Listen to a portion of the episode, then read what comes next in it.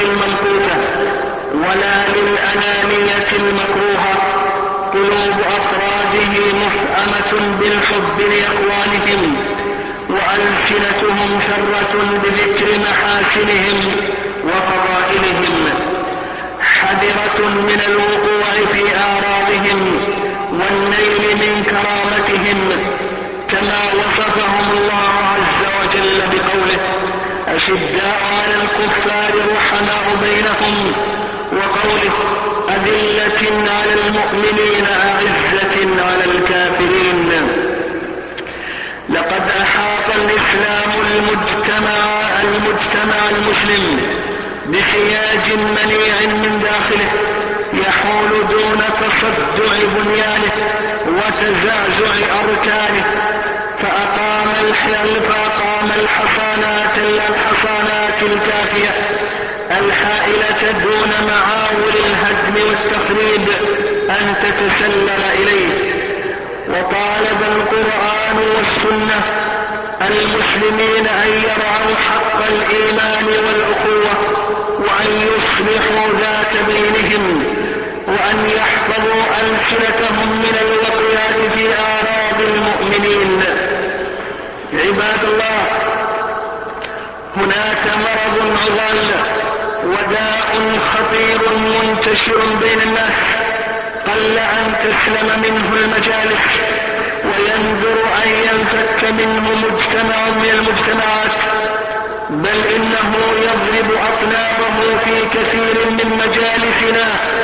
إلا من رحم الله. ومع عظيم خطره على الإيمان والأخلاق وكبير أثره على الأفراد والأسر والمجتمعات. نجد أن كثيرا من الناس رجالا ونساء تتايعوا فيه. إنه دعداء الغيبة ويا لها من خصلة دميمة.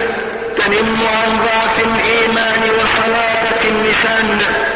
صاحبها يمثل ضعف الخلق وقلة الوازع الغيبة مصيبة على المجتمع. تفعل في القلوب والأرواح أفعال عجيبة تؤثر على الأسر والمجتمعات آثارا.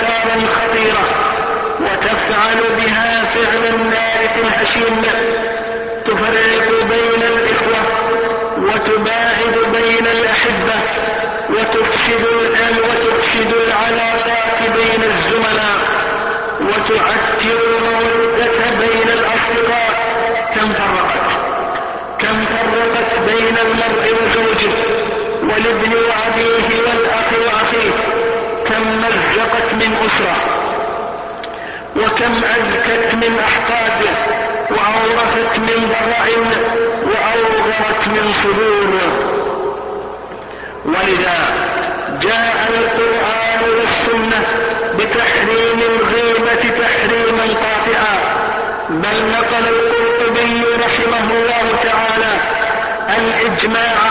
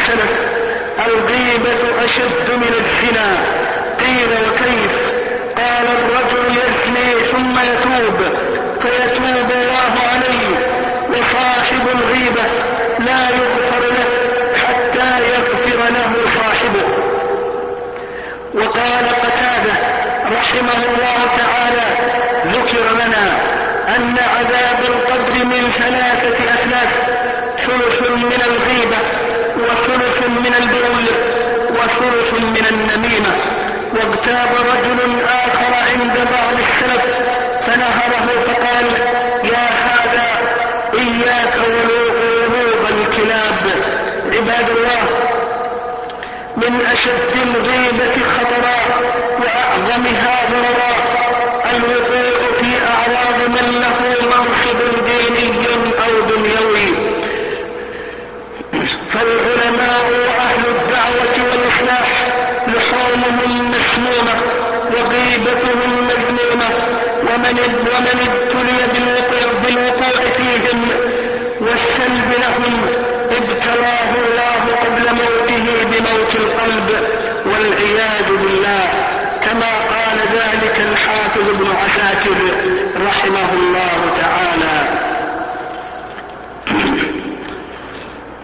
وعلى المرأة المسلمة أن تجتنب الغيبة وأن تحذر من ذلك أشد الحذر فإن الغيبة في مجالس النساء كثيرة في فلان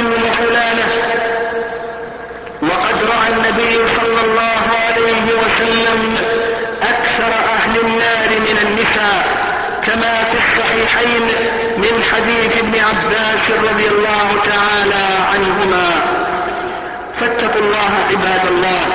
ولا تجعلوا للمغتابين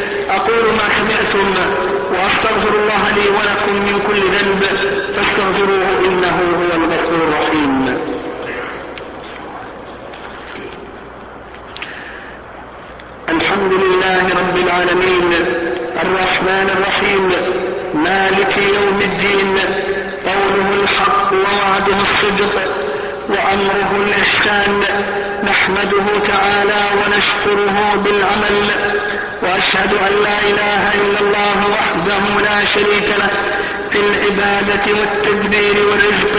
وأشهد أن محمدا عبده ورسوله إلى كافة الخلق. صلى الله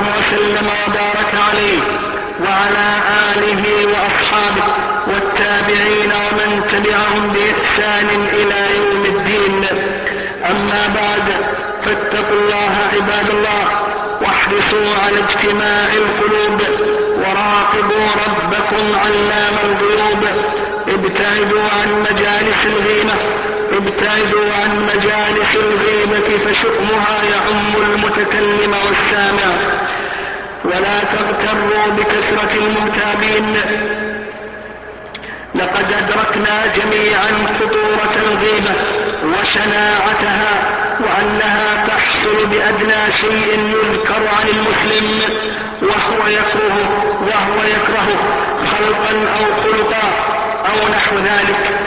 كما تبينت حكمة الإسلام في تحريمها حفاظا على أعراض المسلمين وتأكيدا لحرماتهم وصيانة للمجتمع عن معاول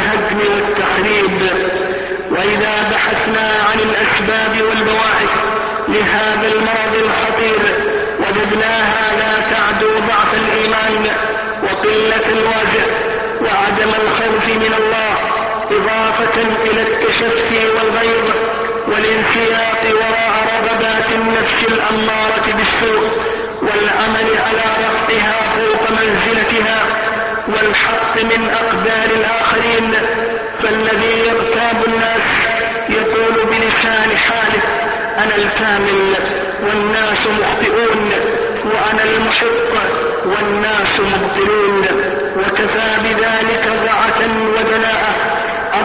ذلك تمكن التمكن أضف إلى ذلك تمكن الحسد والشحناء والضغائن في النفوس والاسترسال مع الآخرين مجاملة دون حسيب ولا رقيب. عباد الله وإذا اغتيب أحد من المسلمين فإن الواجب على المسلمين أن يدفعوا عن عرض أخيهم وفي الحديث عن النبي صلى الله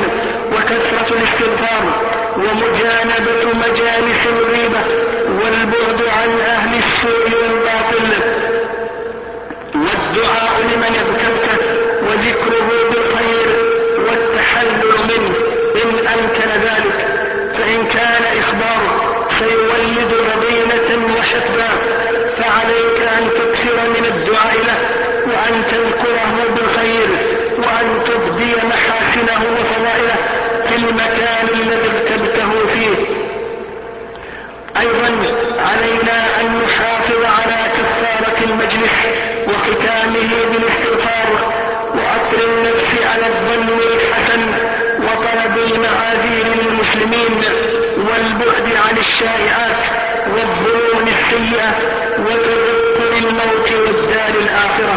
يروى يروى أن معروفا الكرخي رحمه الله إذا اغتاب إذا اغتاب عنده أحد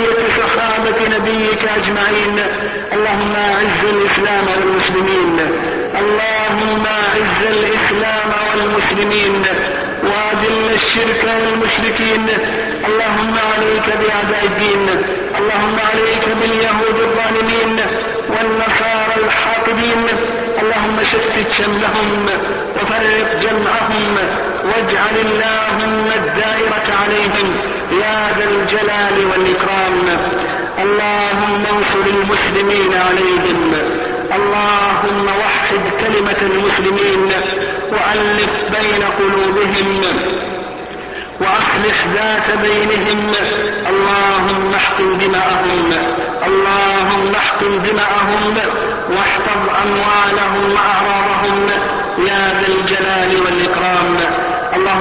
فرج كرب المكروبين ونفس عسرة المعسرين واقض الدين عن المدينين.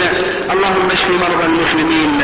اللهم اجعل ما أصابهم كفارة لسيئاتهم ورفعة لدرجاتهم. اللهم ارحم موتى المسلمين. اللهم اغفر لهم وارحمهم وعافهم واعف عنهم. واقصص من ذلك الأقربين من الوالدين والإخوة والأخوات. والأعمام والعمات يا أرحم الراحمين. ربنا هب لنا من أزواجنا وذرياتنا قرة أعين واجعلنا للمتقين إماما.